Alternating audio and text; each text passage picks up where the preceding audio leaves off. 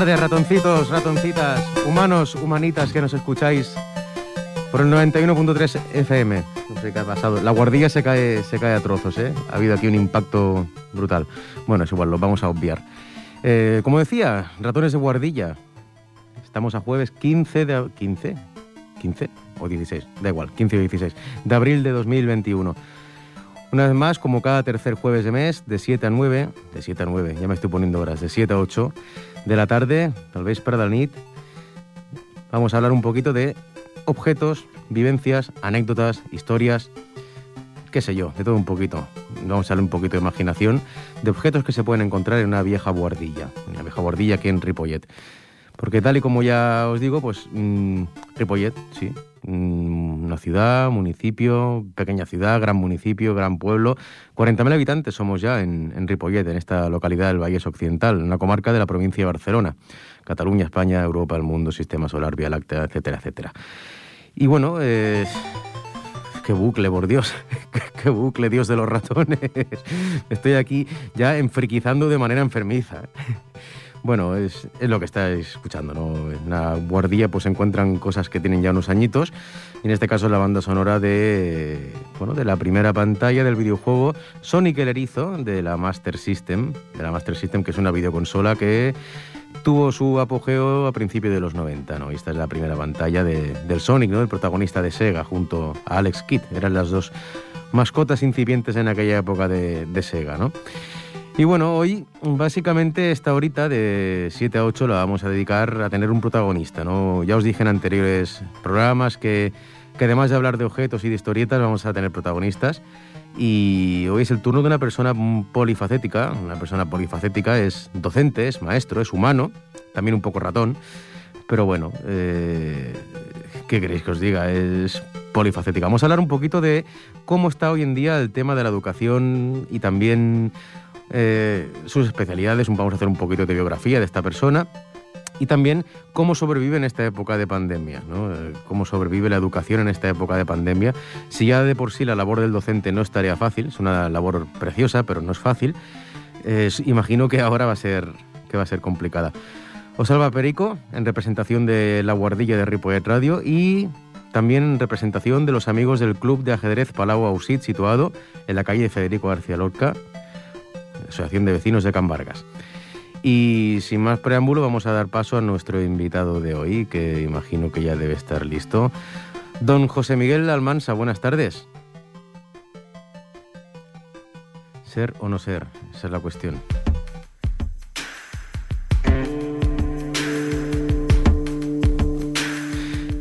Pues nada, imagino que el viejo teléfono de la guardilla, de esos de. como parecido al teléfono rojo de las películas de James Bond desde Rusia con amor, pues ha dado sus resultados, sigue funcionando.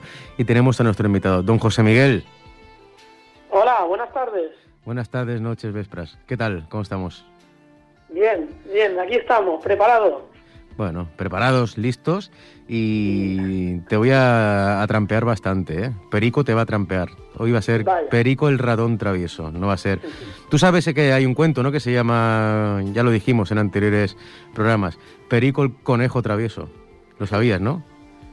El travieso. Sí, es un libro de la gran escritora Beatrix Potter, que ya te dije que no es familia de Harry, ¿eh? Ni nada de esto una escritora inglesa de cuentos. Inglesa, bueno, no sé si es inglesa o... No me acuerdo ahora mismo si es inglesa o irlandesa o escocesa o canadiense o norteamericana, pero bueno, yo, yo me inclino porque, esa, porque es inglesa.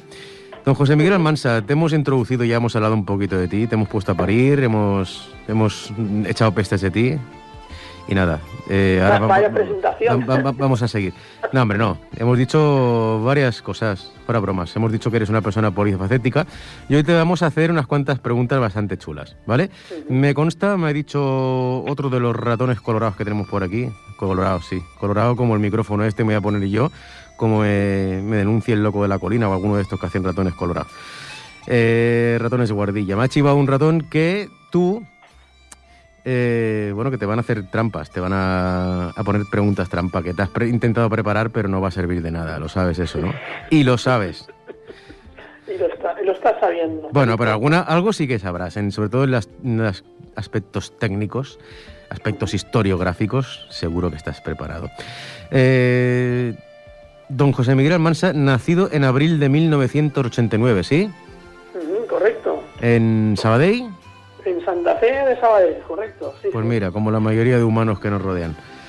Eh, ahora mismo, eh, profesor, ¿no? Docente de, de, educación primaria, ¿sí?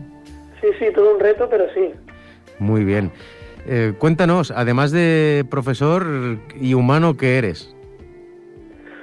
Pues, bueno, ah, tengo hobbies, me gusta mucho el ajedrez, también juego cuando puedo, me gusta mucho la historia, viajar también, eh, el deporte es una de mis, eh, de mis pasiones y bueno. Mm.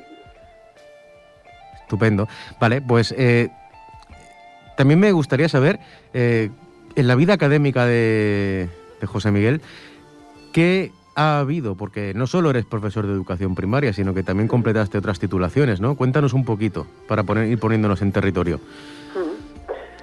Pues em, tengo el privilegio de, tener una amplia y larga vida académica, de hecho, inacabada, en el sentido de que, mm, aparte de que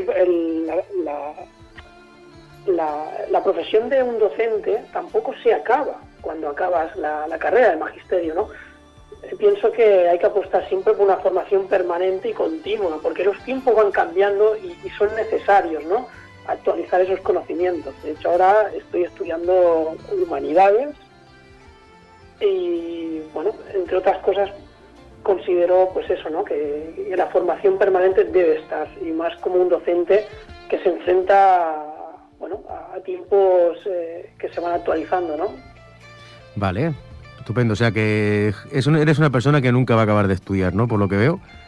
Parece ser. Nunca, jamás. Universitario forever. Estupendo. Estupendo. Eh, y bueno, ¿Has trabajado también, te has especializado en educación física? ¿Puede ser? Sí. Educación física. Eh, me consta también que tienes estudios de ciclos formativos, de eh, cosas más, dijéramos, más prácticas de cara a oficios. ¿Alguno que quieras mencionar? Sí, sí, porque tiene todo relación, ¿no? Es decir, un ciclo formativo de, eh, de electricidad que luego más tarde se vinculó con la robótica, que es una de las otras especializaciones que realicé eh, un poco más tarde. Estupendo. Y, ya te digo, o sea, tú puedes dar clase de cualquier cosa ahora mismo, ¿no? Sí, en ese sentido soy bastante privilegiado porque en el centro donde estoy eh, soy bastante polivalente en el sentido que eh, puedo dar una clase de tecnología en secundaria, hacer educación física en primaria, atender a las necesidades educativas especiales, porque también estoy formado, tan necesarias y tan vigentes hoy en día entre el alumnado. Eh, también se pueden dar clases de, religión, bueno, en definitiva, mm, informática, eh, un poquito de todo. ¿Eres tutor? Sí, actualmente, claro, con el tema de la pandemia, pues eh, el centro se reorganizó, siendo los profesores especialistas, yo era uno de ellos, y este año nos ha tocado ser tutor respetando pues eso, ¿no? El grupo burbuja, intentando pues limitar los contactos eh, con otros con otros grupos. Porque realmente, ya que sacas el tema, ¿cómo es, cómo es el profesor en plena pandemia? Pues la verdad es, eh, nos ha tocado vivir una situación muy complicada. Muy complicada porque es limitar muchísimo a nivel de recursos, a nivel de espacios y además de, esas dificultades, también tenemos que añadir pues el hecho de que, tenemos que dar todas las materias. Eh, es decir, volvemos un poquito para atrás, ¿no? Donde la antigua EGB se, le tocaba al profesor dar todas las materias. O sea, menos el inglés estoy dando todas las materias. Ajá. Bueno, o sea que no acabas, ¿no? Que, que empiezas por la mañana y por la noche aún no has terminado, vaya, tampoco. Exactamente, sí, sí, no, la faena de profesor no acaba a las 5, sino el trabajo sigue. Hay que preparar clases, una planificación, eh, bueno, elementos que se llaman el llamado currículum invisible, ¿no? Es todo aquello que no aparece en el currículum, pero bueno, que son tareas más organizativas, ¿no? Con lo cual, ¿cuándo, ¿cuándo acaba el horario laboral de un maestro? Pues realmente es que no acaba, no acaba, porque siempre se están eh, planificando, eh, pues eso, ¿no? Nuevas actividades, nuevos proyectos, es decir, mm, bueno, mm, claro, la gente se queda con, con la parte de, que, bueno, es, es, el profesor que tiene muchos días de vacaciones, cuando realmente no es así. Un profesor trabaja muchísimo y desgraciadamente ese papel no está valorado por la, a nivel social, ¿no? Bueno, mucha gente dice que es que luego tienen tres meses de vacaciones. ¿Esto es un argumento válido? Pues yo diría que es que no, no es válido. No es válido porque mm, realmente, claro, es, es, un mito que está muy difundido y que realmente tendríamos que acabar con él porque un profesor eh, trabaja muchísimo más y más allá de su jornada incluso. ¿no? O sea, que no solo tienes que dominar muchas facetas del conocimiento, del saber, sino que además tienes que tener eh, mucha paciencia, mucho saber estar y mucho trato como tutor y como mediador y como orientador, imagino. Exactamente. Vale. Mm, estudiaste eh, de educación primaria en la UAB, ¿verdad? Sí, en la Universidad Autónoma de Barcelona. Ya era grado de Boloña en aquella época. Sí, ya habían pasado a la nueva había acabado las licenciaturas y ya, ya, eran grados de cuatro años.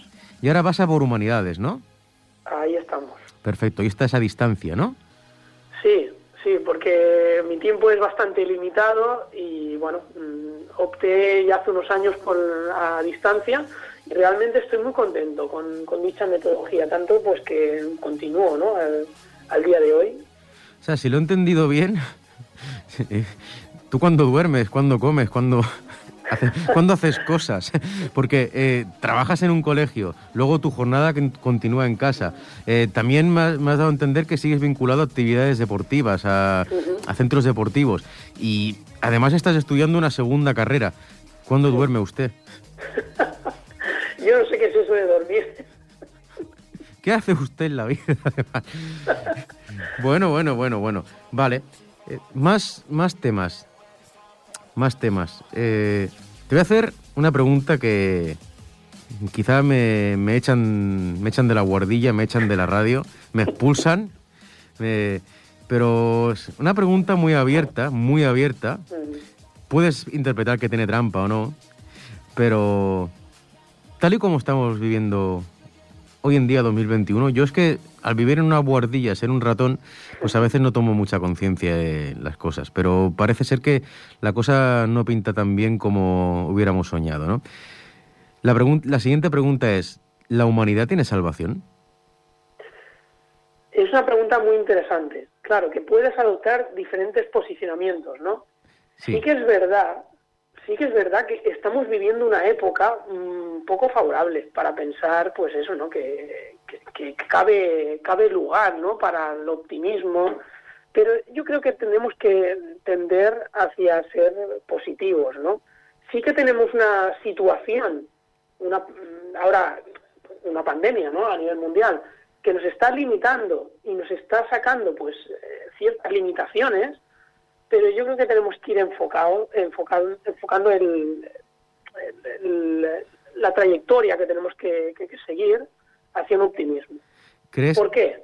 Porque realmente la pandemia nos está sirviendo para darnos cuenta de ciertas cosas o de valorarlas. Por ejemplo, una de ellas es el, el, tema del afecto, ¿no? O de las relaciones sociales hacia los demás, los abrazos, los besos. Todo esto se va a valorar muchísimo más. Y es más, ya que estamos hablando de, la, o hemos mencionado el tema de las tecnologías, ha servido para dar un importante impulso a las tecnologías de la información y la comunicación. Estupendo. ¿Y crees en alguna teoría de la conspiración? A ver, eh, de esto podemos entrar a hablar, porque ya que estamos hablando de las TIC, el problema, el problema que tenemos es que hemos pasado de una época que la gente no tenía acceso a la información o estaba controlada por ciertos medios. ¿eh? Podemos hablar de una, época medieval, ¿no? donde el sector del, clero, de la iglesia, solo tenía acceso a ciertos eh, manuscritos, documentos, a pues una era actual la llamada era de la información, ¿no? Que nos ha llegado a saturar de información. ¿Qué pasa? Que aquí entra el papel de la educación, ¿no? El papel en, en enseñar a metabolizar toda esa información, a transformar esa información en conocimiento. Porque, claro, el alumnado tiene acceso totalmente a toda esa información, pero claro, esa información no se convierte en conocimiento, porque estamos saturados de información. Es ¿Crees que esta información, qué porcentaje de sesgo atribuyes a esta información que recibimos día a día? Pues una información es que prácticamente del 100%, porque eh, claro, eh, los seres humanos vivimos en sociedad y claro, estamos expuestos a eso, ¿no? ¿Quién me dirás tú que, que no ve la televisión o mira el ordenador o no mira en todo el día el móvil para mirar las noticias? Estamos expuestos de forma continua es decir, al 100%. Pero la pregunta es, ¿qué veracidad dirías, estimarías, así a grosso modo, que tiene un porcentaje, eh, puedes decir perfectamente, la veracidad de toda esta, de esta información que nos bombardea a diario? Un porcentaje de esta información es mm, yo me, me, atrevería a exponer un 80% tranquilamente. Es que estamos expuestos de manera continua. O sea, que 80% es verídico, 20% es mentira. Claro, a ver, eh, luego está el tema de las redes sociales, ¿no? Que lo que ayudan es a difamar eh, bulos, ¿no? Y mentiras. Que hay unos cuantos. Claro, e, eso es un problema y grave, ¿no? El problema de, discernir, ¿no? De, saber averiguar si, si las fuentes de esas informaciones son, son verdad o son mentiras. Ese es el problema, ¿no? Que contribuye a esa desinformación. Claro, a mí me pasan una cosa, me pasan un artículo, me pasan eh, una captura de pantalla y yo me creo esa información. ¿Por qué? Porque no sabemos la fuente de dónde viene esa, esa información, ¿no? ¿Crees que Miguel Bosé es un lobo? ¿El qué? Si Miguel Bosé es un hombre lobo. ya te estaba... pues posiblemente, sí. ¿Crees que es un personaje de Son Goku, Miguel Bosé? ¿Tú qué crees?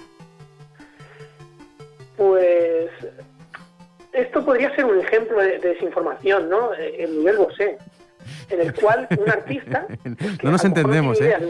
no nos entendemos, no te vayas por los cerros de Úbeda. Te he preguntado si... ¿Con qué, ¿Con qué personaje de bola de drag relacionarías a Miguel Bosé? Ostras, la opción del lobo sudaca no está, ¿no? Mm. Hostia, eso... Dejémoslo nombre lobo. Bueno, pero relacionado con el lobo, Tenzin Han, ay, Tenzin Han, eh, Yansha se acerca bastante a esa figura.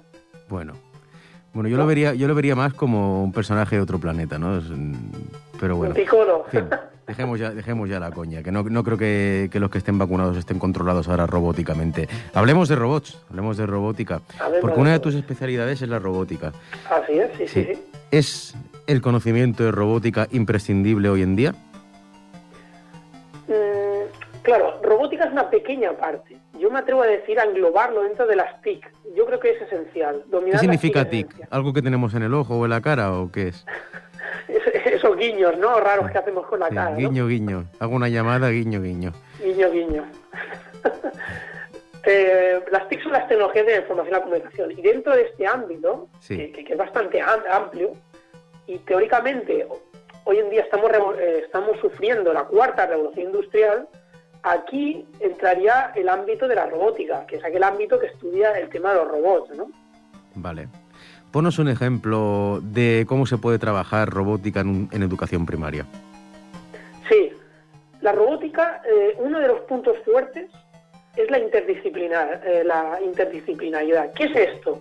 Que podemos trabajar diferentes contenidos. ¿vale? Y esto lo podemos enlazar directamente, por ejemplo, con los videojuegos, con, el tema que, está tan de moda de la gamificación, ¿no? Eh, utilizar los videojuegos como un recurso educativo.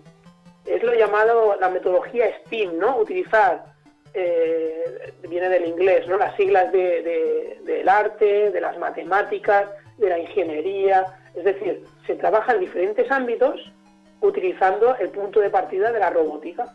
¿Cómo puedo hacer esto? Por ejemplo, vamos a trabajar, eh, vamos a realizar un proyecto entre que construyamos un robot y le ponemos el, contexto a los alumnos, por ejemplo, que tenemos que ir a la luna. A partir de este contexto, ¿qué es lo que hacemos? Estudiamos diferentes áreas. Eh, de hecho, yo en la escuela estoy llevando los proyectos de la FES Lego League. La FES Lego League está vinculado al tema de programación en Lego. Se parte de un proyecto que exponen ellos un tema, un cierto tema. Tienen que superar con el robot ciertas misiones y tienen que exponer un, un proyecto a nivel teórico. Entonces, puede ser, por ejemplo, un viaje, un hipotético viaje a la Luna, o descubrimiento de la posibilidad de, otras vidas, etcétera, etcétera, y lo llevas al terreno pues educativo, ¿no? Vale, o sea que ahora mismo, digamos que esto no tiene nada que ver con lo como tú estudiaste, ¿no? Por ejemplo, en la primaria. No tiene nada que ver. Ha cambiado una barbaridad. Y volvemos a ese tema de, de la necesidad de formarnos. Un profesor tiene que estar actualizado porque desde que se formó él, o desde que le formaron él, eh, cuando era pequeño, es que no tiene que nada que ver con el sistema educativo actual, no tiene nada que ver. ¿Qué piensas que una persona que hace el payaso por internet esté cobrando hasta mil veces más que un maestro? Volvemos a recuperar el tema de la desinformación. Estamos cayendo en una desinformación total, porque la gente está es partidaria de creer un youtuber. Yo no tengo nada en contra de los youtubers, yo estoy criticando el proceso, lo, que está pasando, ¿no? El, fenómeno social de creer antes un youtuber que no tiene formación alguna en el ámbito concreto, por ejemplo, de la medicina, antes que creer un doctor a lo mejor que, que, sí que ha estudiado más y tiene una cierta formación. Todo eso es un peligro, es un peligro pero mm, constante, ¿no? Pero, por ejemplo, es, es, algo, algo bastante polémico, ¿no? Que está dando muchísimo que hablar. Vamos a ver, eh, Creación de contenido, vale, es totalmente legítimo. Sabemos que hay un trabajo detrás de edición de vídeos, de edición de imagen, de sonido. Hay un, un trabajo que puede ser, que puede ocupar hasta días enteros, ¿no? De una persona que está creando contenido de internet y contenido de vídeo. Pero no es el problema. ¿Dónde está el problema realmente aquí? Porque no puede ser no puede ser que personas que están creando contenido cultural realmente interesante tengan pocas visualizaciones y con lo cual tengan pocos ingresos. Hablemos que puede ser considerado un teletrabajo ¿eh? perfectamente em, hoy en día. ¿Y cómo puede ser que una persona, por jugar al Tetris, por jugar al Tetris, ¿eh? al Tetris que es más antiguo que nosotros, ¿vale? Por jugar al Tetris, tenga unos miles de euros en un día. ¿Cómo es posible? Por enseñar cómo jugar al Tetris. ¿Qué está pasando? Mira, ahora que se casa el tema del Tetris, mm, mira, no sé si lo sabes, pero es el juego más vendido de la historia porque cuenta con 200 millones de copias. O sea, imagínate, el juego fue revolucionario en esa época, ¿no? Sí. Para que sacase el tema de los videojuegos. Eh, volviendo al, foco de, de, tu pregunta, ¿no? Sí claro, ¿cómo, es posible, no? incluso yo me encuentro algunos niños que les preguntan, bueno, ¿qué quieres ser de mayor? Y me dicen, no, yo quiero ser youtuber. Vaya. Claro. Y realmente, si de aquí a unos años hay una pandemia y cae en picado el número de médicos, que ya faltan y además muchos no los emplean correctamente, ni hay una valoración correcta de los profesionales sanitarios, ¿quién nos va a salvar? ¿Los youtubers de, de pandemias y de problemas? Claro, hay una precarización, ¿no? A nivel eh, educativo, o sea, es decir, claro, los mismos youtubers, no, ellos ya abogan que es necesario estudiar, estudiar es necesario. La profesión, dicha profesión se puede ver como algo complementario, pero también están sometidos, claro, ellos no lo saben, pero la vida de un youtuber no es fácil, están sometidos a un estrés continuo y una adicción a las redes sociales brutal. Claro, porque la gente lo...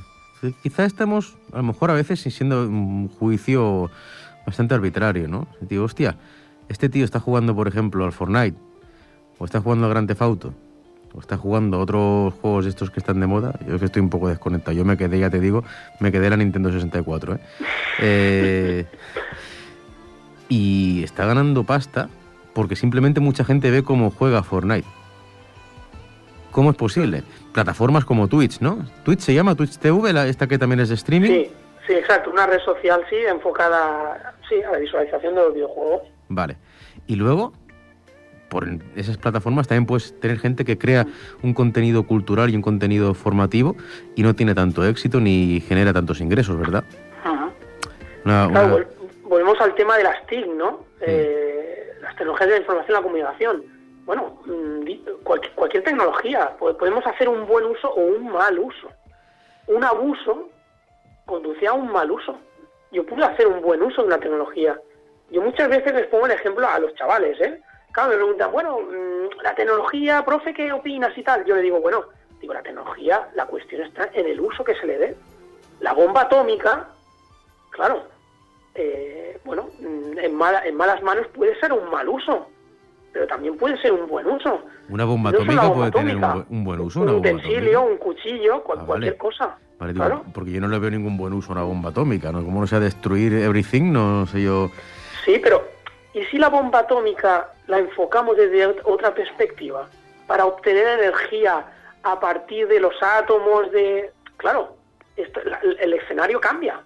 Y si tú lo que quieres es destruir un meteorito, por ejemplo, que va a chocar contra la Tierra, podría tener utilidad. efectivamente. Bueno, bueno. Estamos aquí mezclando muchas cosas. Estamos mezclando cachondeo, ciencia ficción, cosas serias de docencia, nuevas tecnologías, eh, temas polémicos. Bueno, eh, son las, las siete y media de este... Sí, sí, estamos a día 15. Yo es que ya no sé ni en qué día vivo. Después de estar... Si ya estaba encerrado antes, imagínate ahora. 15 de abril de 2021. ¿Pero los ratones también se han confinado o no? Los ratones viven confinados desde que nacen. Más que nada porque si salen pueden estar en, serios problemas. Pero bueno, vamos enterándonos, vamos enterándonos. Tenemos la habilidad de comunicarnos con algunos humanos y, bueno, ya has visto que todo es ponerle interés, ¿no? Y intentar entablar relaciones sociales. Bueno, ya te digo, quedan 25 minutos de programa y creo que ya hemos hablado muchísimo de docencia, si quieres aportar algo más de experiencias como maestro o del, papel del maestro en el siglo XXI o algún tema más, alguna anécdota que hayas vivido, podemos cerrar ya este tema y pasaremos al siguiente. ¿Cómo lo ves? Bien, bueno, simplemente hacer una, una reflexión, ¿no? Una, a, modo de conclusión, ¿no? De, del papel de, de, de docente hoy en día, ¿no? La valoración que se le hace desde, desde a nivel social, ¿no? Que, nos quedamos con, a veces con esos mitos, ¿no? Que si tienen muchas vacaciones, que si el sueldo, que si no sé qué, se puede equiparar perfectamente a una figura a nivel laboral que está trabajando en, el ámbito de la sanitario, ¿no? Yo creo que es, a mi forma de ver, ¿eh? Yo creo que educación y sanidad son dos pilares fundamentales en cualquier estado de hoy en día y que yo creo que no se considera lo suficiente. Y yo pienso que, que deberíamos pararnos a reflexionar un poquito el papel que tiene el docente, ¿vale? Que, que ya no solo el papel en sí, es la responsabilidad que tiene, porque está formando a lo que son los futuros ciudadanos, ¿no? Que habitarán el mundo. Y yo creo que por el simplemente de este hecho tiene muchísima responsabilidad y yo creo que es muy importante, ¿no?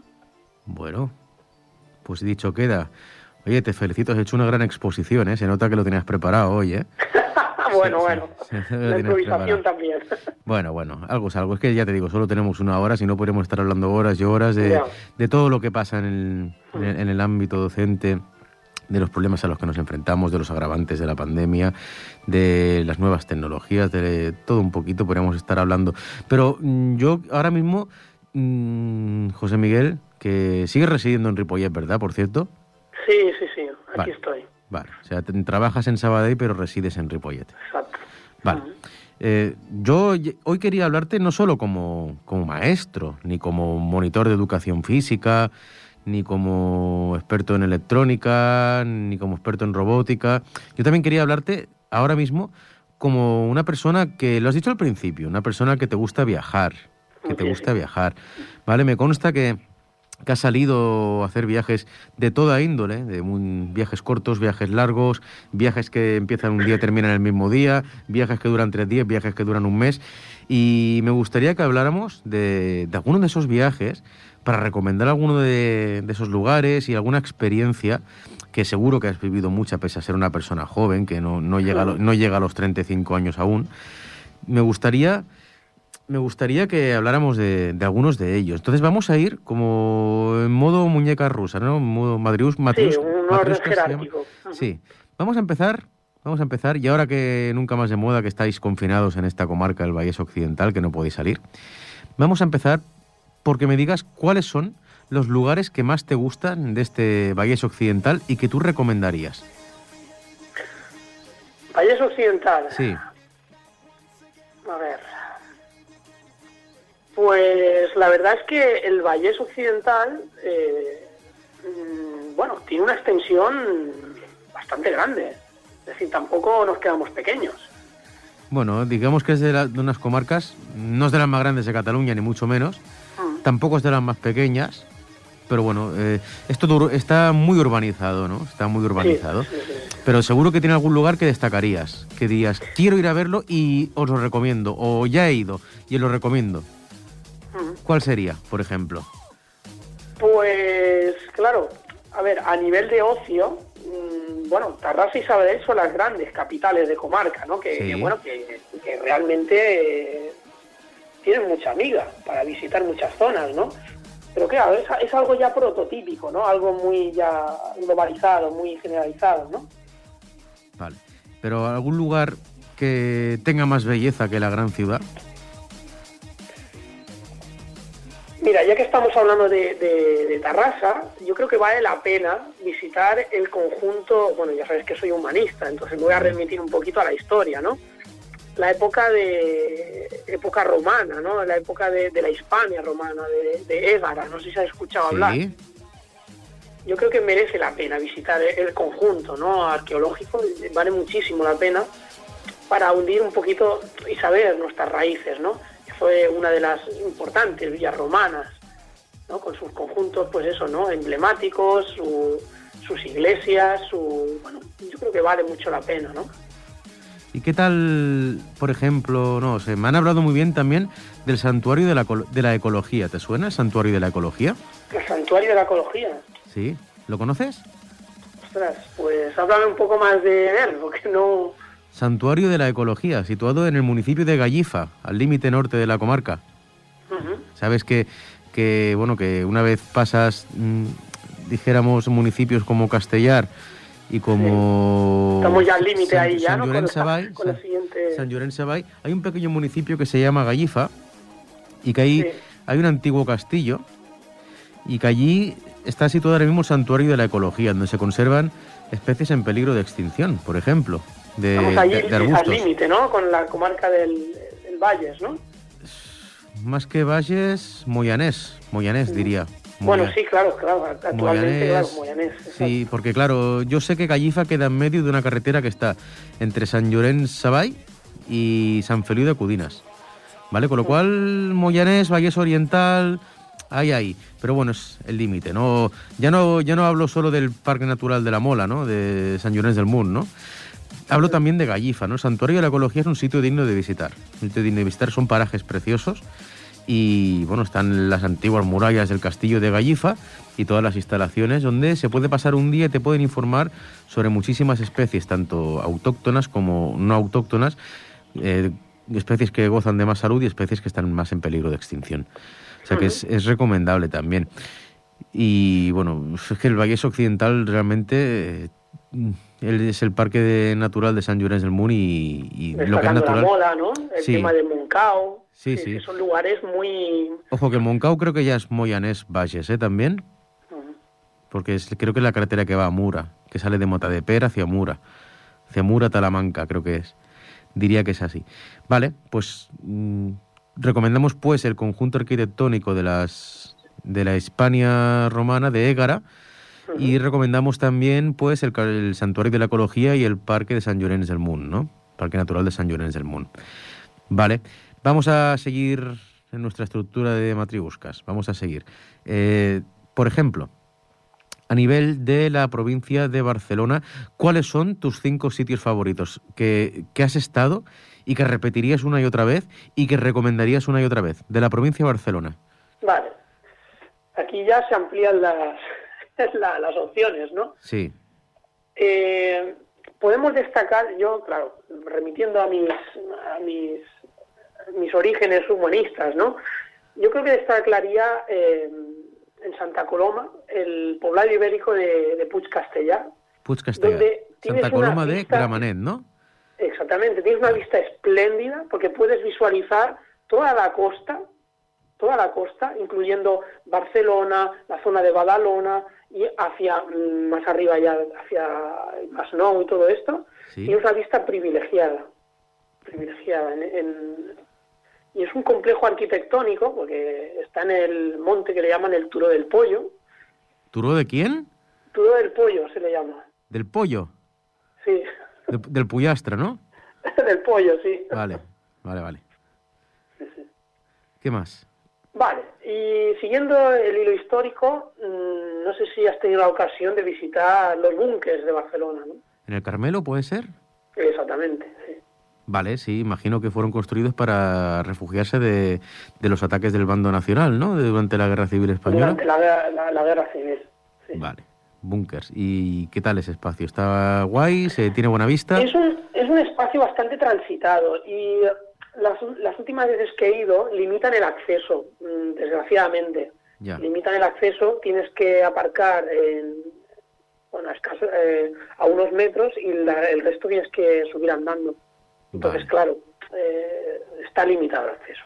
Y más ahora, con el tipo la, la pandemia, ¿no? Vale, tenemos entonces el Puig Castellano, hemos dicho. Tenemos ahora mismo el Búnker del Carmelo, ¿te quedan tres? Vale, eh, bueno, me gustaría perderme por las Ramblas, visitar la Casa Batlló, eh, la Sagrada Familia, pero esto es, demasiado prototípico, ¿no? Y queremos visitar sitios un poquito, ¿no? Que a lo mejor son bastante más... Eh, más especiales, ¿no? Más, más, distintos, ¿no? Por ejemplo, vamos a, vamos a irnos un poquito lejos de la capital, hombre, que estamos aquí hablando solo de la capital. Hablemos más de la provincia. Hablemos más de sitios un poquito más alejados de la Gran Barcelona. Pues, eh, bueno, mm, podemos seguir la... Hay una ruta, de hecho, que se llama la Ruta de los Íberos, ¿Sí? que pasa por visitar eh, distintos poblados ibéricos que tenemos aquí en, en, Cataluña. Eh, nos estamos centrando también en Barcelona, Tenemos varios poblados ibéricos. De hecho, las antiguas baterías de los búnkers fue uno de los también de los poblados eh, ibéricos importantes. ¿En el propio Carmelo? Sí, sí. Vale. Pero desgraciadamente, debido a la guerra civil entre el 36 y el 39, pues claro, todo eso se, se perdió. Oye, ¿y es verdad que cerca de ahí, en, en Horta, hay un, un casino encantado? Sí, sí que lo hay, sí. En la, carre eh, sí, en la carretera de, de Horta, como bien has dicho. Hay un eh, en la pujanza de los años 80-90, eh, Barcelona decidió instalar por, esos alrededores un, casino, ¿no? Y cuenta la leyenda, esto no hay certeza que lo diga, que había una sala especial, una sala, donde, claro, los, los usuarios que iban, que entraban en bancarrota y, bueno, habían perdido mucho dinero y, claro, habían perdido casi todo, ¿no? Dicen las leyendas, dicen las leyendas, que ahí se asesinaba a la gente, que, bueno, que se suicidaba a la gente, ¿no? Porque, bueno, claro, habían perdido todo el dinero y todo esto y, claro, mm, solo les quedaba perder la vida, ¿no? Es decir, que se, suicidaban directamente por arruinarse, ¿no? Exactamente, sí, sí, una, una sala, una habitación especial, cuentan la, la leyenda. Vaya. Bueno, vale, pues nos quedarían dos y ahora me lo vas a permitir a mí. Vale, en la provincia de Barcelona, Estamos hablando de la provincia. El nacimiento del río Llobregat, en Castellar de Nuc, las fonts del Llobregat. precioso. ¿Has estado alguna vez? Sí, sí, sí, sí, es, una maravilla. Todo lo que sea natural, bueno, a mí me encanta. ¿En Castellar de Nuc has estado? Sí, sí, una pasada, ¿no? Eh, es que recuerda como estos pueblecitos como de piedra, tipo mura, es, es que es una pasada, es precioso. Ajá. Vale, y el segundo que te voy a decir, San Quirze Safalla, ¿has estado? San Quirze Safalla, donde murió el famoso poeta catalán, ¿no? Sí, Marius Torras. Marius Torras. Marius Torras. Precioso también, ¿eh? Unos, unos parajes muy bonitos.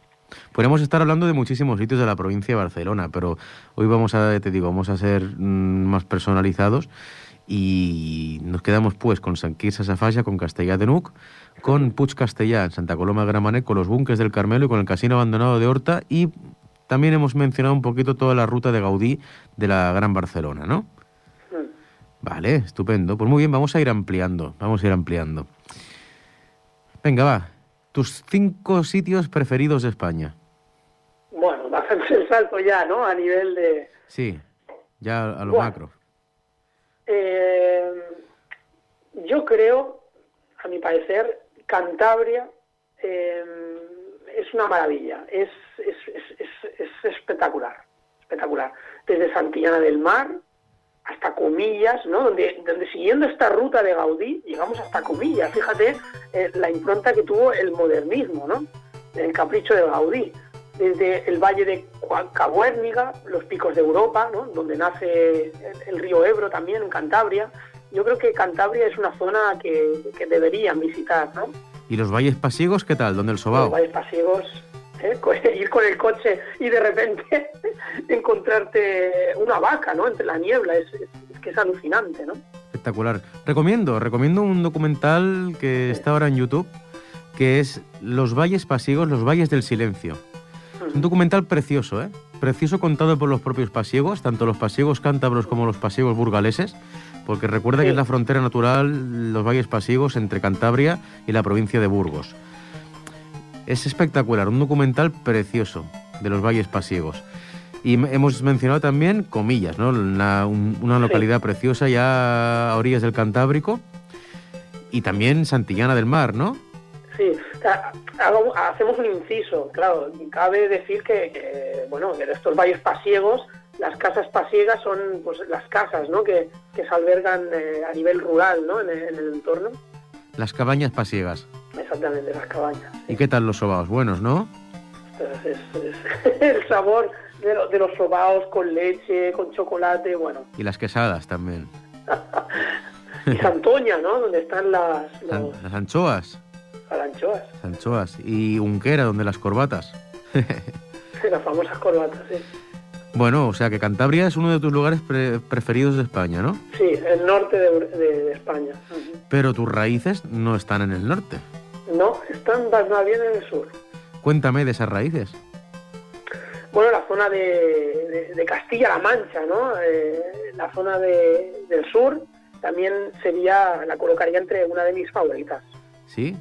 Háblanos de alguna de esas zonas preciosas de, por ejemplo, de ese triángulo, de ese triángulo mágico en el que están Cuenca, Albacete y Ciudad Real, ¿podía ser? Cuenca, Albacete y Ciudad Real, ¿no? Eran las tres, el triángulo mágico de Villarrobledo, ¿puede ser? Sí. Pues Villarrobledo destacaría por, por, por celebrarse uno de los festivales más importantes a nivel de Europa, que es el Villarrock, que recoge un montón de gente. Eh, pasaríamos también a, a hablar de, la- de las casas colgantes, ¿no? ¿Colgantes? Hay casas colgadas, ¿no? Ahí está. Como le digas a un conquense colgante, te cuelga a ti. Sí, sí, me mata. He rectificado rápido. Y lo sabes. Que, las, Sí, que, sabe. que- que- que la Semana Santa conquense y sus procesiones del silencio también son muy bonitas. Sí, sí, sí. Una maravilla escuchar el silencio profundo, la gente caminar, ¿no? Con, con, con esas, con esas velas en la mano, con esos trajes tan típicos. Cuenca es una ciudad muy bonita. La Y- ciudad encantada también de Cuenca, ya que estamos hablando Sí, de señor. ella. ¿Qué es eso de la ciudad encantada? Que te salen bichos y monstruos por ahí. Pues mm, es un complejo eh, natural donde se encuentran piedras esculpidas con formas de, de cosas. Oh, que de hecho, no sé si lo sabes, pero ahí se rodó la película, bueno, una de las escenas de Conan el Bárbaro. de Conan el Bárbaro. Exactamente. eh. Pues muy bien. No, no, si también tenemos aquí, tenemos platos naturales aquí en, en toda la geografía. Vale, hemos dicho, Santan- hemos dicho Cantabria, hemos dicho eh, toda la zona de Cuenca, Ciudad Real y Albacete, ese triángulo. Nos quedan tres. ¿Qué dirías? Pues es que La Mancha da, da, da mucha extensión, porque podemos hablar de castillos, como el Castillo de Belmonte, entre, entre otros castillos, ¿no? Ajá. Vale, ¿has estado alguna vez, por ejemplo, en el Alcázar de Segovia? El Alcázar de Segovia es, un, es fantástico, ¿no? Eh, complejo arquitectónico. que realmente podemos afirmar que Walt Disney se inspiró en, para hacer el logotipo de Disney, del castillo ese que sale antes de las películas, en el Alcázar de Segovia. Sí, sí, sí, sí. Fue una fuente de inspiración, sí. Tú sabías que en Segovia también hay un acueducto romano espectacular, ¿no? Claro, el acueducto romano, de la época romana, ¿no? y, que la, pues y que la Catedral de Segovia está catalogada como una de las más bellas de España y de hecho la llaman la Dama de las Catedrales. La Dama de las Catedrales. ¿Y sabías que tiene un montón de iglesias que son todas más bonitas que muchísimas catedrales del resto de España? Sí, sí, de hecho somos privilegiados porque tenemos un patrimonio a nivel cultural que, que, es que podemos sentirnos muy orgullosos. Pues tenemos pendiente, tenemos pendiente una visita a Segovia. Me metes un día en la maleta o algo, rodeado de queso o algo, y hay que, ir, hay, que ir, hay que ir a Segovia. Yo te voy a decir dos lugares más de España, ¿vale? Te voy a decir, tú me has dicho Cantabria, me has dicho La Mancha en sí y ese triángulo de Albacete. Yo te voy a decir ahora mismo la frontera, el triángulo entre las provincias de Sevilla, Badajoz y Huelva. Toda la zona de la Jara. Toda la, zona de la Jara, del, del bueno, el, paraíso del cerdo ibérico, ¿no? Del jabugo, dijéramos. Norte de, Huelva, norte de Huelva son paisajes preciosos. Y también, como no, como no, tengo que recomendar también el, el pueblo de Belchite. El pueblo de Belchite. ¿Has estado en Belchite? No, dime que, bueno, he escuchado las leyendas eh, típicas, ¿no? De allí. Cuéntanos ah, cómo, cómo fue. Bueno, Belchite es uno de los municipios más castigados por la Guerra Civil Española, con varias batallas dilatadas en el tiempo con varias victorias alternas entre el bando republicano y el bando nacional, y que se ve el antiguo pueblo de Belchite, que fue arrasado una y otra vez al lado del actual núcleo urbano de Belchite, ¿no? Y que es visitable tanto en visita histórica guiada, como también en visita en plan cuarto milenio, los sábados por la noche, porque se bueno, la leyenda dice que se siguen escuchando los llantos y, los lamentos del sufrimiento que perpetraron los obuses de la guerra. De hecho, aún, aún hay un obús que se conserva incrustado en una de las dos iglesias de Belchite, del pueblo antiguo, y es digno de visitar. De hecho, tenemos aquí al lado Aragón, que es una, una comunidad autónoma que merece mucho la pena un día ser investigada, como por ejemplo el Monasterio de Piedra Monasterio de Piedra, Ciudadela de Jaca, Zaragoza en sí, Teruel en sí, toda la ruta de los amantes de Teruel. Sí, sobre todo por el arte mudéjar, ¿no? Exacto. Arte mudéjar, bueno, la tenemos aquí al lado y siempre hemos pasado para ir a otros lugares y no nos hemos detenido lo bastante.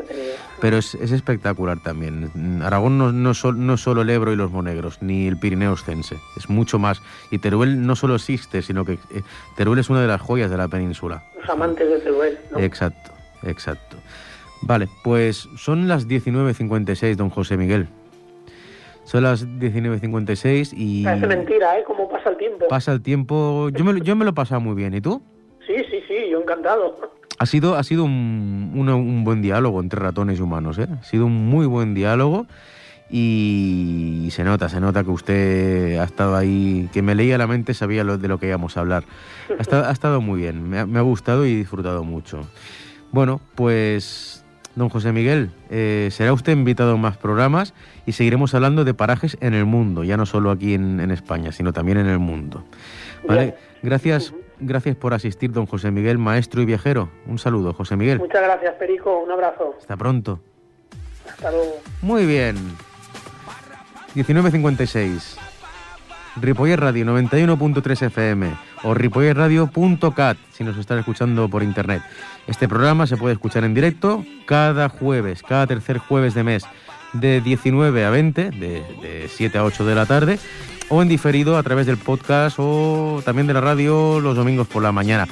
Intentamos, intentamos seguir una normalidad, seguir enlazar unos cuantos programas y seguiremos mm, planteando bastantes temas anecdóticos con la guardilla, con la historia, citas con la literatura, citas con, bueno, con objetos vintage y también con invitados, como ha sido el caso de hoy, como hemos hablado con una persona bastante culturalmente inquieta, profesor y también viajero. Pues nada, ratoncitos, ratoncitas, humanos y humanitas. Nos vemos en el siguiente programa, el tercer jueves de mayo. Un abrazo, sed felices.